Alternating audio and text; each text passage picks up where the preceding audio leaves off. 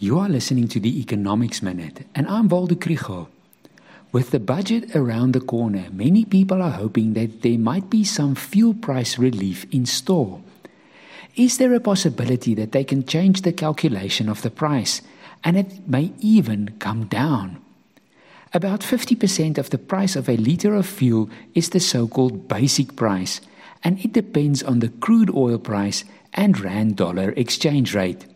Then, about 20% of the price are levies to cover the regulated costs and profits of the wholesale and retail sales of fuel and also pipeline transportation.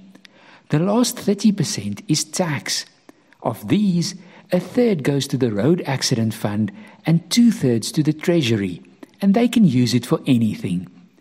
The argument is made that this model needs to be changed. The AA has called for the levies to be investigated, the cost of the road accident fund to be reduced by partially privatizing it, and the tax revenue to be used to improve roads and fund law enforcement. If the fuel price can be reduced in this way, it will of course also provide relief for motorists and reduce transport costs, which in turn can reduce inflationary pressures.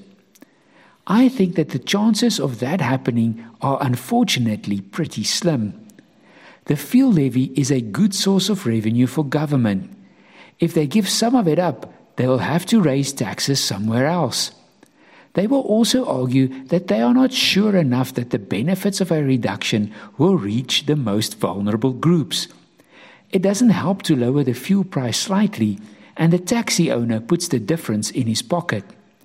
If you want to help poor people, a small increase in grants or reduction in VAT will be more effective.